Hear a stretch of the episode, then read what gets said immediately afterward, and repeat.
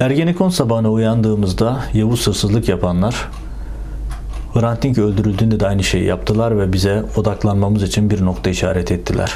Bizden istedikleri sadece oraya bakmamız, baktıkça hipnotize olmamız ve ayan beyan ortada olanı görmememizdi.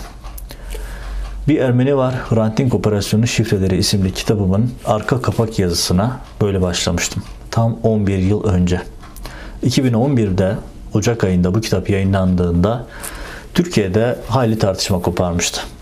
Kitapta o güne kadar gözden kaçırılan, özellikle devletin gizli koridorlarında, perde gerisinde aktif rol alan, cinayetin hazırlık sürecinde aktif rol alan bir takım istihbaratçıların, askerlerin varlığı ilk defa bu kitapla ifşa olmuştu.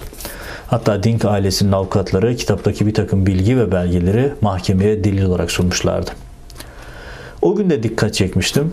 Bugün geldiğimiz yerde de aynı yerde duruyoruz. Hrant Dink cinayeti bir devlet cinayetiydi, bir milli mutabakat cinayetiydi.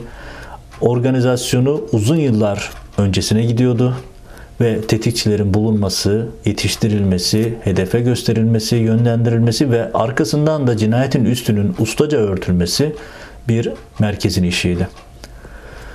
Ancak özellikle 17-25 Aralık sonrası Türkiye'de değişen siyasi atmosfer özellikle de hükümetin kendi içine düştüğü yolsuzluk, hırsızlık ve e, kanunsuzluk batağından kurtarabilmek için Ergenekon'la derin devletle, darbecilerle işbirliği yapması sonrasında bütün davalar olduğu gibi Hrant Dink davası da bambaşka bir denkleme dönüştü.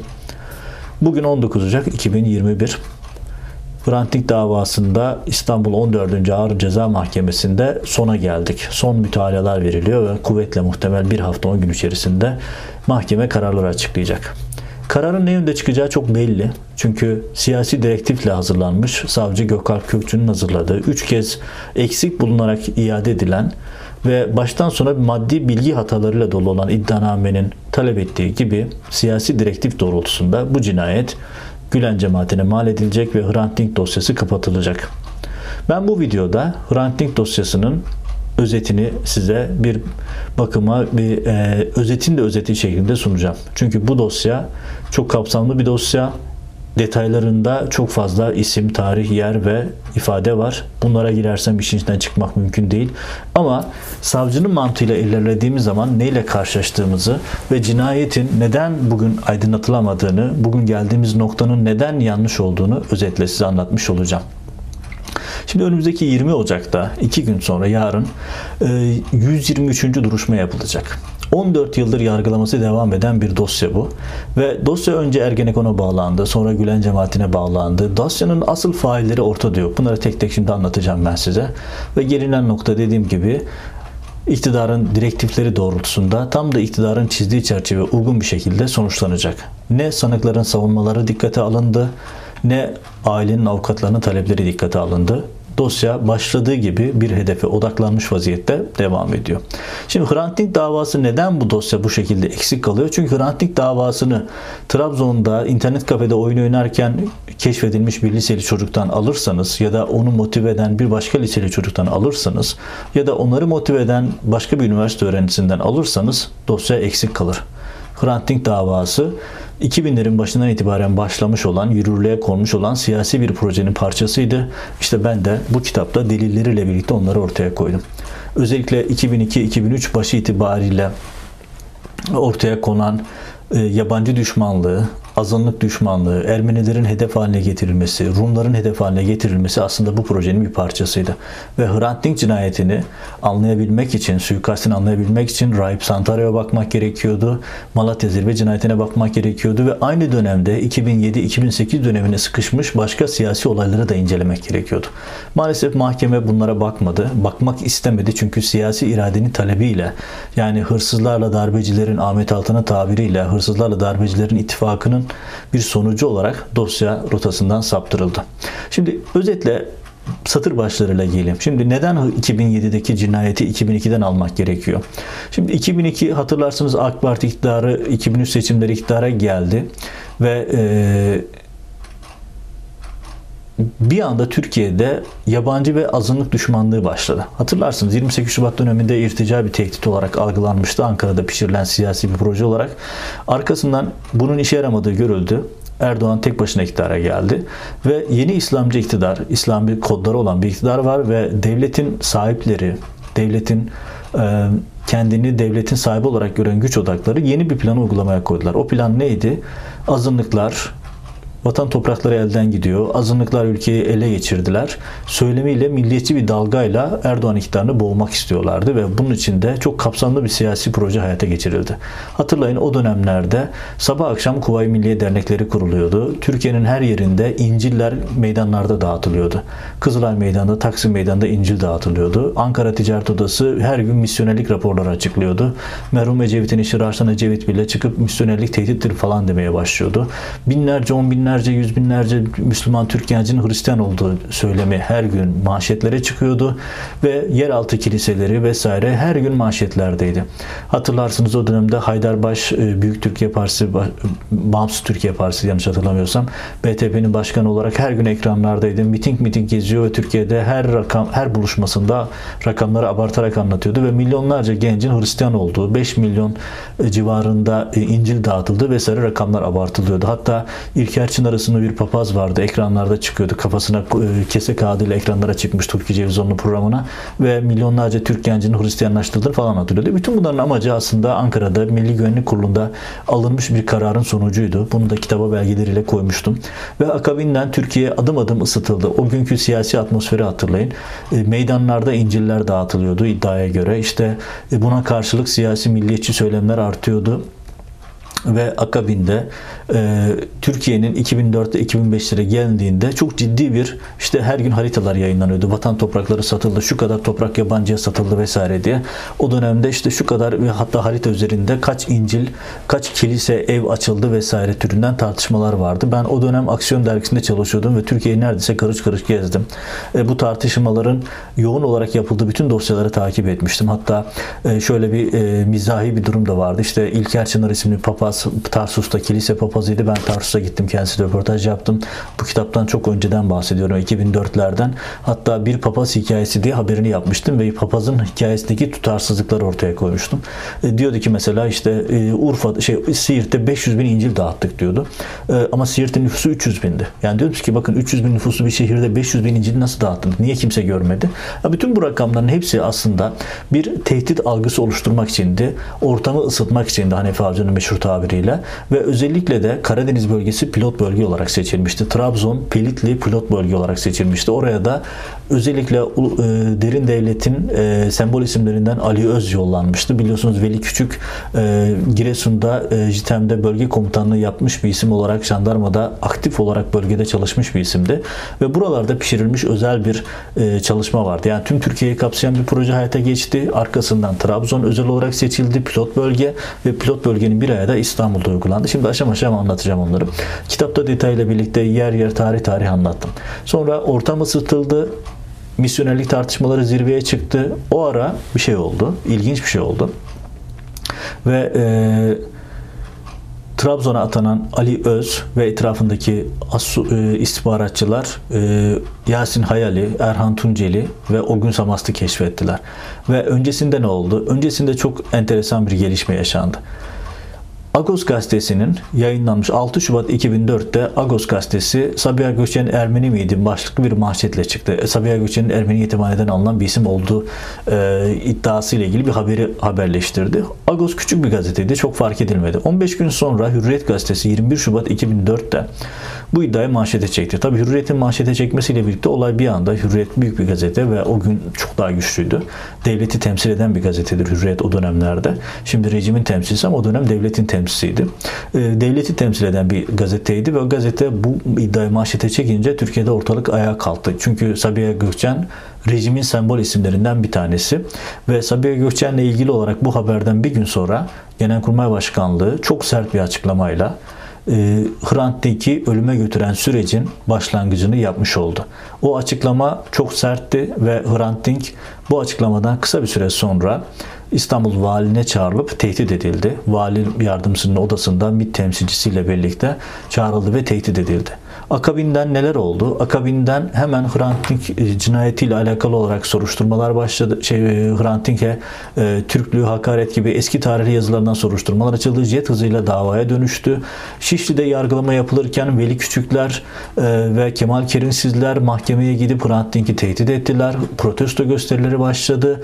Levent Temizler e, Agos'un önünde eylem yaptılar ve vesaire. Bir anda Hrant Dink Türkiye'de afişi olduğu gündeme geldi ve hatta Hrant Dink öldürülmeden önceki son yazısında e, çok açık hedef haline geldiğini ve bu sürecin kendisiyle ilgili e, olumsuz sonuçlara doğurabileceğini anlatıyordu. Hatta son yazısındaki ifadesi ve işte yine uçurumun kıyasındayım. Peşimde tekrar birileri vardı. Onları sizliyordum. Ve onların kirinçsiz ekibiyle sınırlı ve salt onlardan oluşacak sıradan ve görünür olmadıklarını çok iyi biliyorum.'' 12 Ocak 2007 tarihli bu yazısından bir hafta sonra 19 Ocak 2007'de Agos önünde öldürüldü. Dosya e, fail e, o gün Samast e, kısa süre sonra yakalandı ve o dönemin bürokratları, siyasileri olayın milliyetçi düşüncelerle işlenmiş e, bir cinayet olduğunu, arkasında örgüt olmadığını falan açıkladı. Bu örgüt söylemi uzun süre devam etti. İlk yargılama başladı. İşte sanıklarla ilgili küçük bir grup Erhan Tunceller, e, o gün Samaslar, e, Yasin Haliller'in olduğu küçük bir grup olarak kaldı. Maalesef dosya arkasında ilerlemedi. Oysa ki işin arkasında deşildiği zaman işin içerisinden e, askerler, veli küçüklere kadar uzanan isimler, oradan MGK'ya genel sekreterliğe kadar çıkan isimler vardı. Maalesef bundan hiçbirine bakılmadı. Hadise de çok başından direkt olarak İstanbul'un mu, Ankara'nın mı yoksa Trabzon'un ihmali var tartışmasına kilitlendi ve bütün e, dosya aslında rayından saptırıldı. Ve akabinde bu dosya işte 2007'de başlayan yargılamalardan sonra 17 Aralık'a kadar belli bir denklemde gitti. 17 Aralık'tan sonra ise dosya tamamen tersine döndü.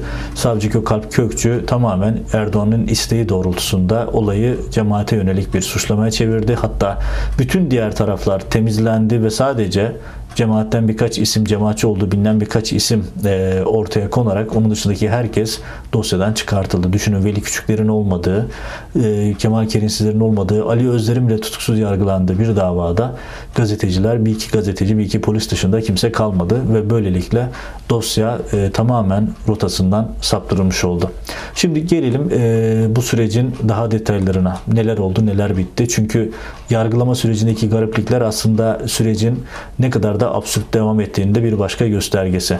Çünkü bugün gelinen noktada yani e, birkaç emniyetçi Ali Fuat Yılmazer ve Ramazan e, Akkürek gibi isimler, Ercan Gün ve Ekrem Dumanlı gibi isimler ve benim de dahil olduğum birkaç gazetecinin üzerine bırakılan bu dosya nasıl bu hale geldi ve savcının mantığından devam edersek bu dosya neden bu şekilde bir yere varması mümkün değil.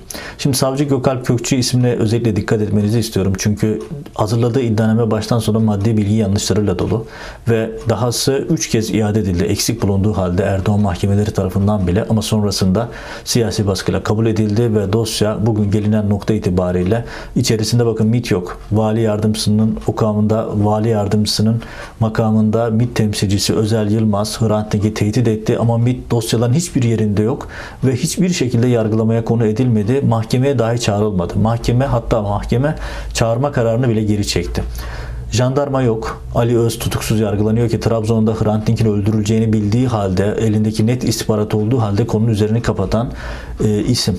Jandarmadaki görevliler yok, yanındakiler yok, Veli Küçük yok. Mahkemeye gidip Veli Küçük Hrant Dink'i tehdit eden isimdi, afiş eden isimdi. Hüseyin, Kemal Kerinsiz yok, Oktay Yıldırım yok, Levent Temizler yok. Bunların hiçbirisi dosyada yok.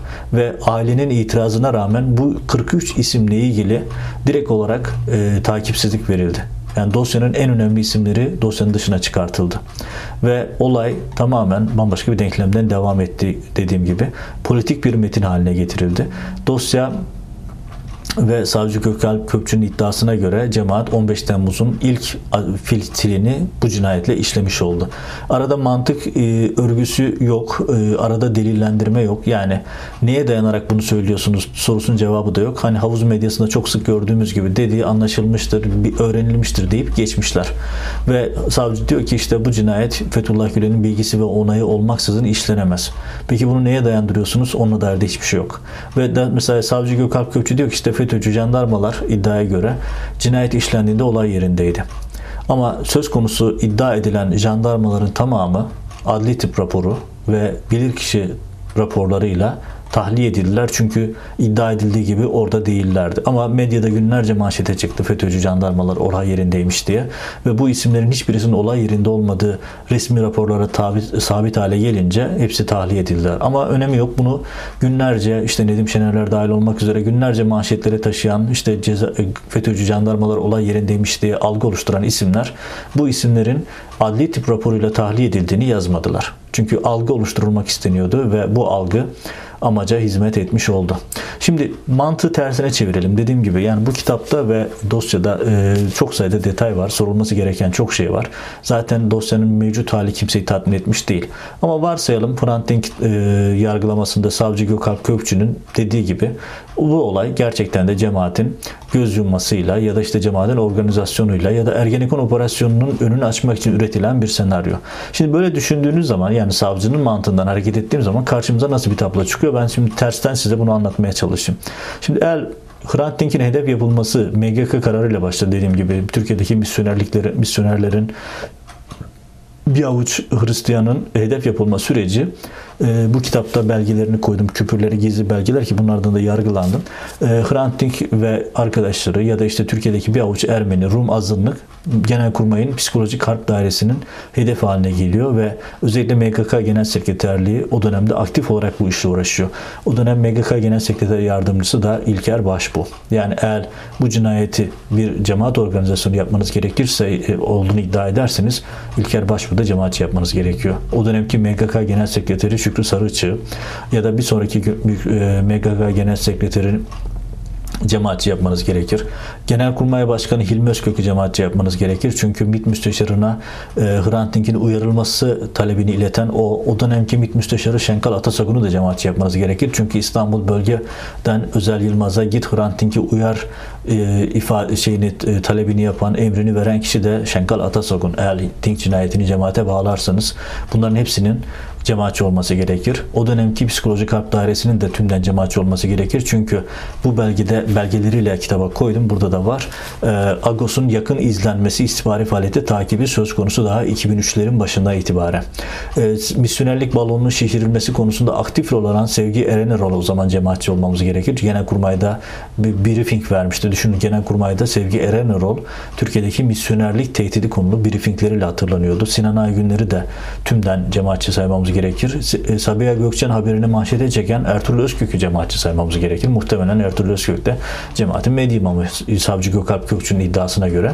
O zaman Veli Küçük'ün de cemaatçi olması gerekir. Çünkü Veli Küçük mahkemeye gidip Hrant Dink'i tehdit eden isimdi. Eğer Hrant Dink'i öldürme niyeti içerisinde olan insanlar dedikleri gibi cemaatten insanlar olmuş olsaydı o zaman Veli Küçük'ün de cemaatin imamı olması gerekir. Kemal Kerimsiz aynı şekilde. Bu absürt listeyi uzatarak devam edebilirsiniz. Yani şimdi şöyle söyleyeyim. Hrant Dink cinayeti 300 bir kararın alınması, Yargıtay'ın onaması, jet hızıyla yargılama yapılması yani en başta söylediğim şey bu bir devlet cinayetiydi. Devletin bir kesimi bu cinayete kafaya koydu ve bütün birimleriyle bunu işledi ve arkasından da yine aynı uzantılarıyla cinayetin üstünü örttü. Şimdi bütün bunların hepsini işte jet hızıyla alınan kararları 301 yargılamasını, Yargıtay'ı, Şişli'deki mahkemeyi hepsini e, oturup cemaatçi yapmanız gerekir. Dönemin MİT müsteşarını, müsteşar yardımcısını, İstanbul Bölge Başkanı'nı, İstanbul Vali Yardımcısını e, liste bile uzatıp gitmeniz mümkün. Ali Öz, Trabzon'daki jandarma alay komutanı. Düşünün yardımcıları getiriyorlar işte Yasin Hayal'in bu cinayeti işleneceğe dair somut veriler var. Hatta silah bulması için para veriliyor. E, bütün bu somut verilere rağmen Ali Öz bütün bunların hepsini sümen altı ediyor. E, o zaman Ali Öz'ün de cemaatçi olması gerekir. Çünkü Ali Öz görevini yapmış olsa Hrant Dink öldürülmeyecekti.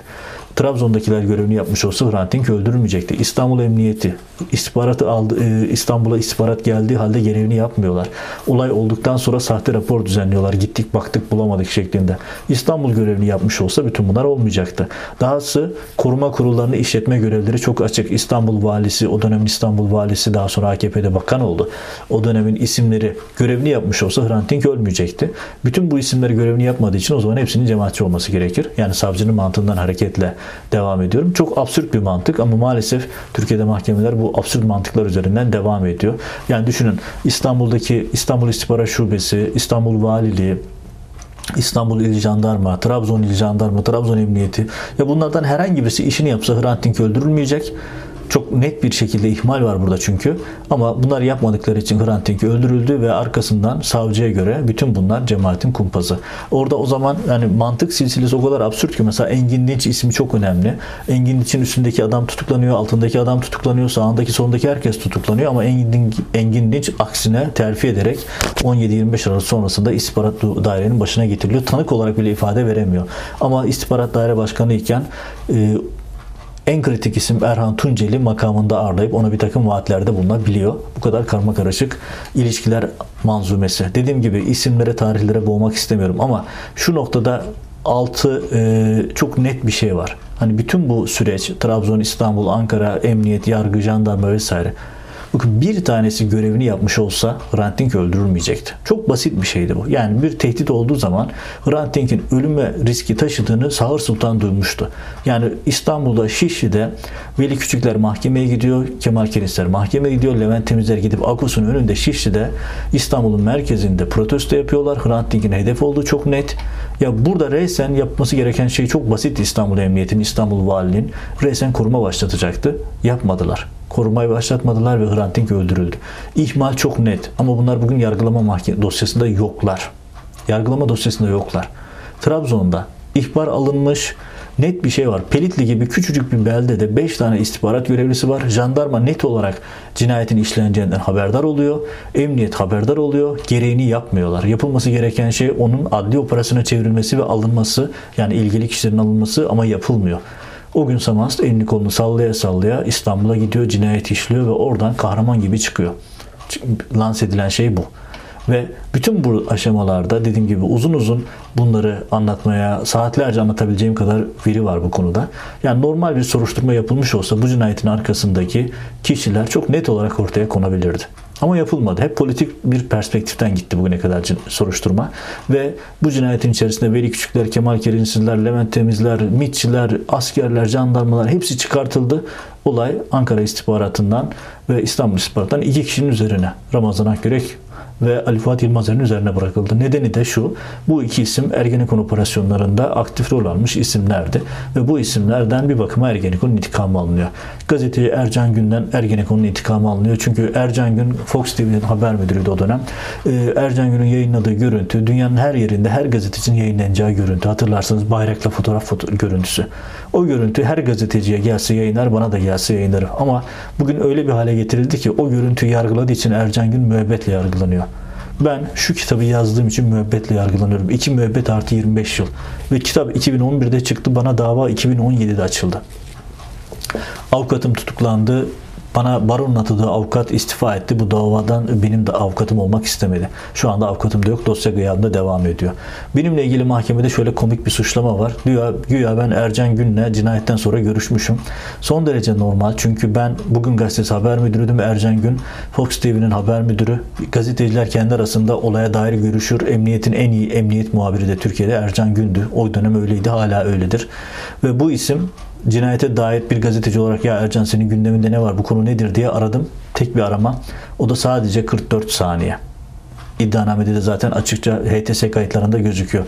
Ama savcı Gökalp Kökçü HTS kayıtlarına bile bakmamış. Sağ gazeteciler arasında yoğun telefon trafiği diyor. Ya gazetecilerin arasında telefon trafiği olması son derece normal. Türkiye gündeminin en önemli konusu o. Cinayet işlenmiş. Hrant Dink gibi önemli bir isim öldürülmüş ve gazeteciler kendi arasında telefon görüşmesi yapıyor. Ki cinayet işlendikten sonra yani bu kadar absürt bir iddianame bunca senedir mahkemede duruyor ve mahkeme bunu kabul etti ve gıyabımızda yargılama devam ediyor. Düşünün Veli Küçük'ün olmadığı Ali Öz'ün e, tutuksuz yargılandığı davada ben şu kitabı yazdığım için müebbetle yargılanıyorum. Yani Hrant Dink davası bu kadar absürt bir noktada devam ediyor.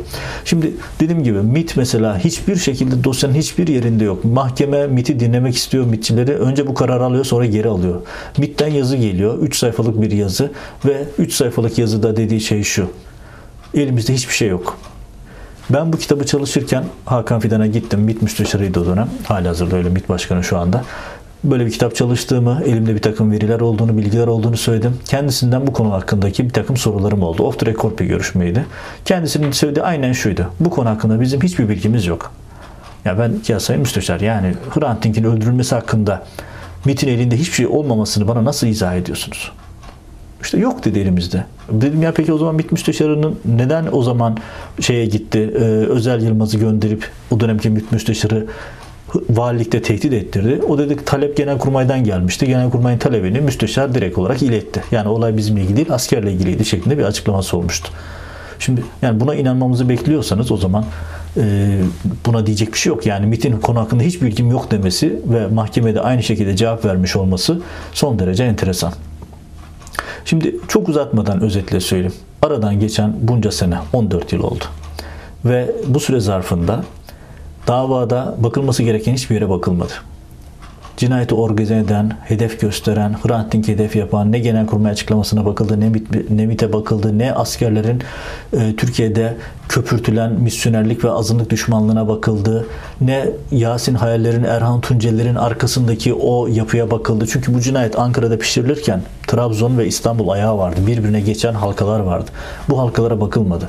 Hanefi Avcı da dedi ki işte bunun arkasında e, milliyetçi duygularla cinayet işlemiş birileri var. Arkasında birilerini bulmaya, e, bu, bu, arkasında birileri yok meali şeyler yazdı. Haliç'te yaşayan Simonlar kitabında.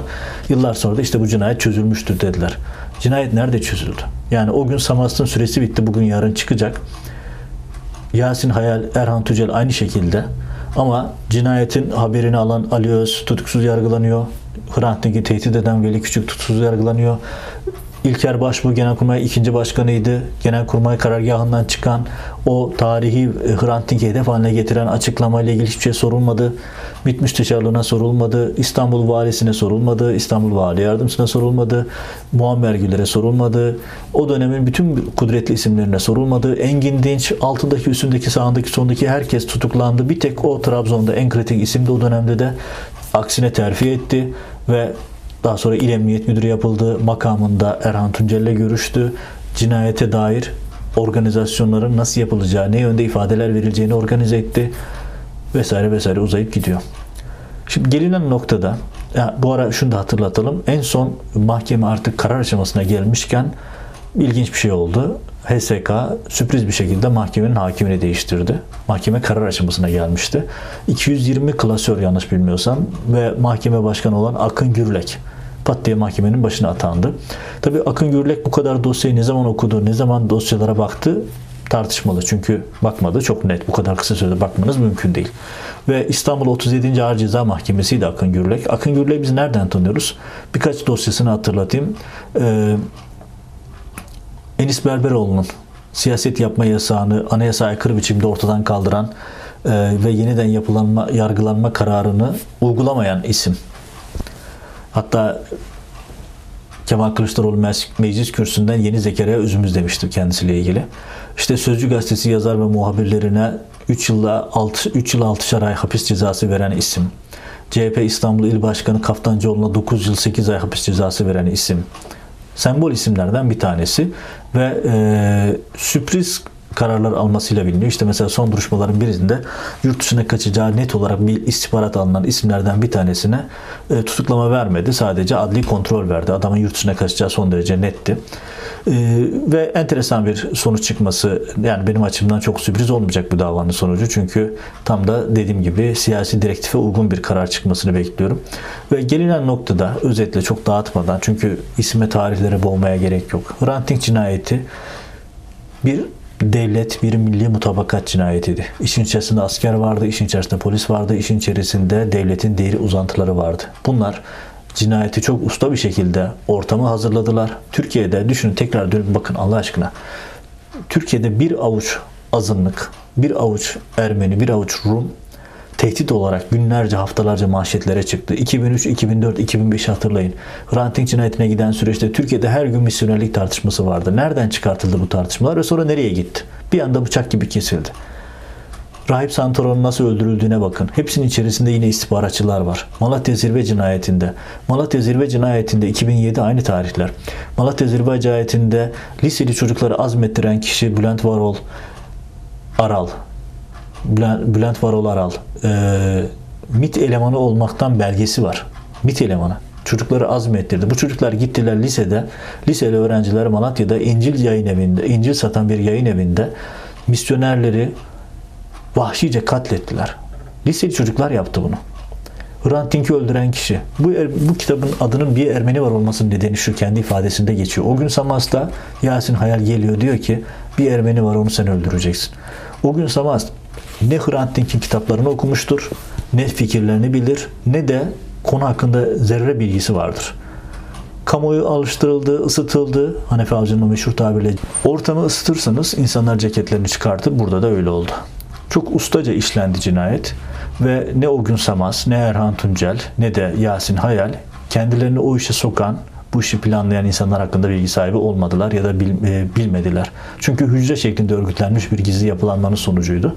El Hrant Dink cinayetini aydınlatmak istiyorsanız olayı ikiye ayırmanız gerekiyor. Bir, cinayetin azmettiricileri. iki cinayet ihbarını, istihbaratını aldığı halde gereğini yapmayan, engellemeyenler. Engel tartışmasını, ihba, ihmal tartışmasını öne korsanız cinayeti aydınlatmak mümkün değil. Çünkü ihmal tartışmasına odaklandığınız anda failleri gözden kaçırıyorsunuz. Failleri bulmak iki ayrı ayrı soruşturma beraber götürülmeliydi burada. Faillere hiç bakılmadı. Herkes ihmal tartışmasına götürüldü. Burada da medyadaki bir takım kişiler cinayeti aydınlatıyorum diyen kişiler aslında ustaca bu işi yaptılar. Cinayeti ihmal tartışmasına endekslediler ve tarafı olduğu, beraber hareket ettiği kişilerin söylemlerini ön plana çıkartarak asıl failleri gözden kaçırdılar cinayeti aydınlatıyorum diyenler aslında cinayeti karartmış oldu. Ve gelinen noktada bugün geldiğimiz noktada artık yargılamanın son aşamasına geldik. 14 yıl geçti ve ortada gelinen tablo Hrant Dink hala o kaldırımda yatıyor. 14 yılın sonunda geldiğimiz yer maalesef bu. Siyasi motivasyonla olay cemaatin üzerine yıkılacak ve cinayet cemaatin bir cinayetiymiş gibi sözde bir mahkeme kararıyla sonuçlandırılacak. Ama gerçek failler perde arkasında yeni planlarını, programlarını uygulamaya koyuyorlar. Bugün yaşadığımız korku atmosferine bakarak net olarak şunu görebilirsiniz. Aynı söylemler, aynı planlar, programlar yeniden uygulamada. Bugün şişirilen tehdit algısına bakın. Bugün hedef gösterilen isimlere bakın. O günlerde de aynı isimler aynı pozisyonlarla devam ediyorlardı. Bir bakıma Hrant Dink cinayetinin hedef haline getiren, cinayette Hrant Dink'i hedef haline getiren, ortamı hazırlayan, tetikçileri yetiştiren güç hala iktidarda. Hala onlar belirliyorlar hedefleri, hala onlar çerçeveyi çiziyorlar ve hedefe doğru gidecek olan tetikçileri yetiştiriyorlar, tetikçileri hazırlıyorlar. Ve biz 14 yıl geriden kaldı. 14 yılın sonunda tartıştığımız şey Trabzon'un ihmali vardı, İstanbul'un ihmali vardı.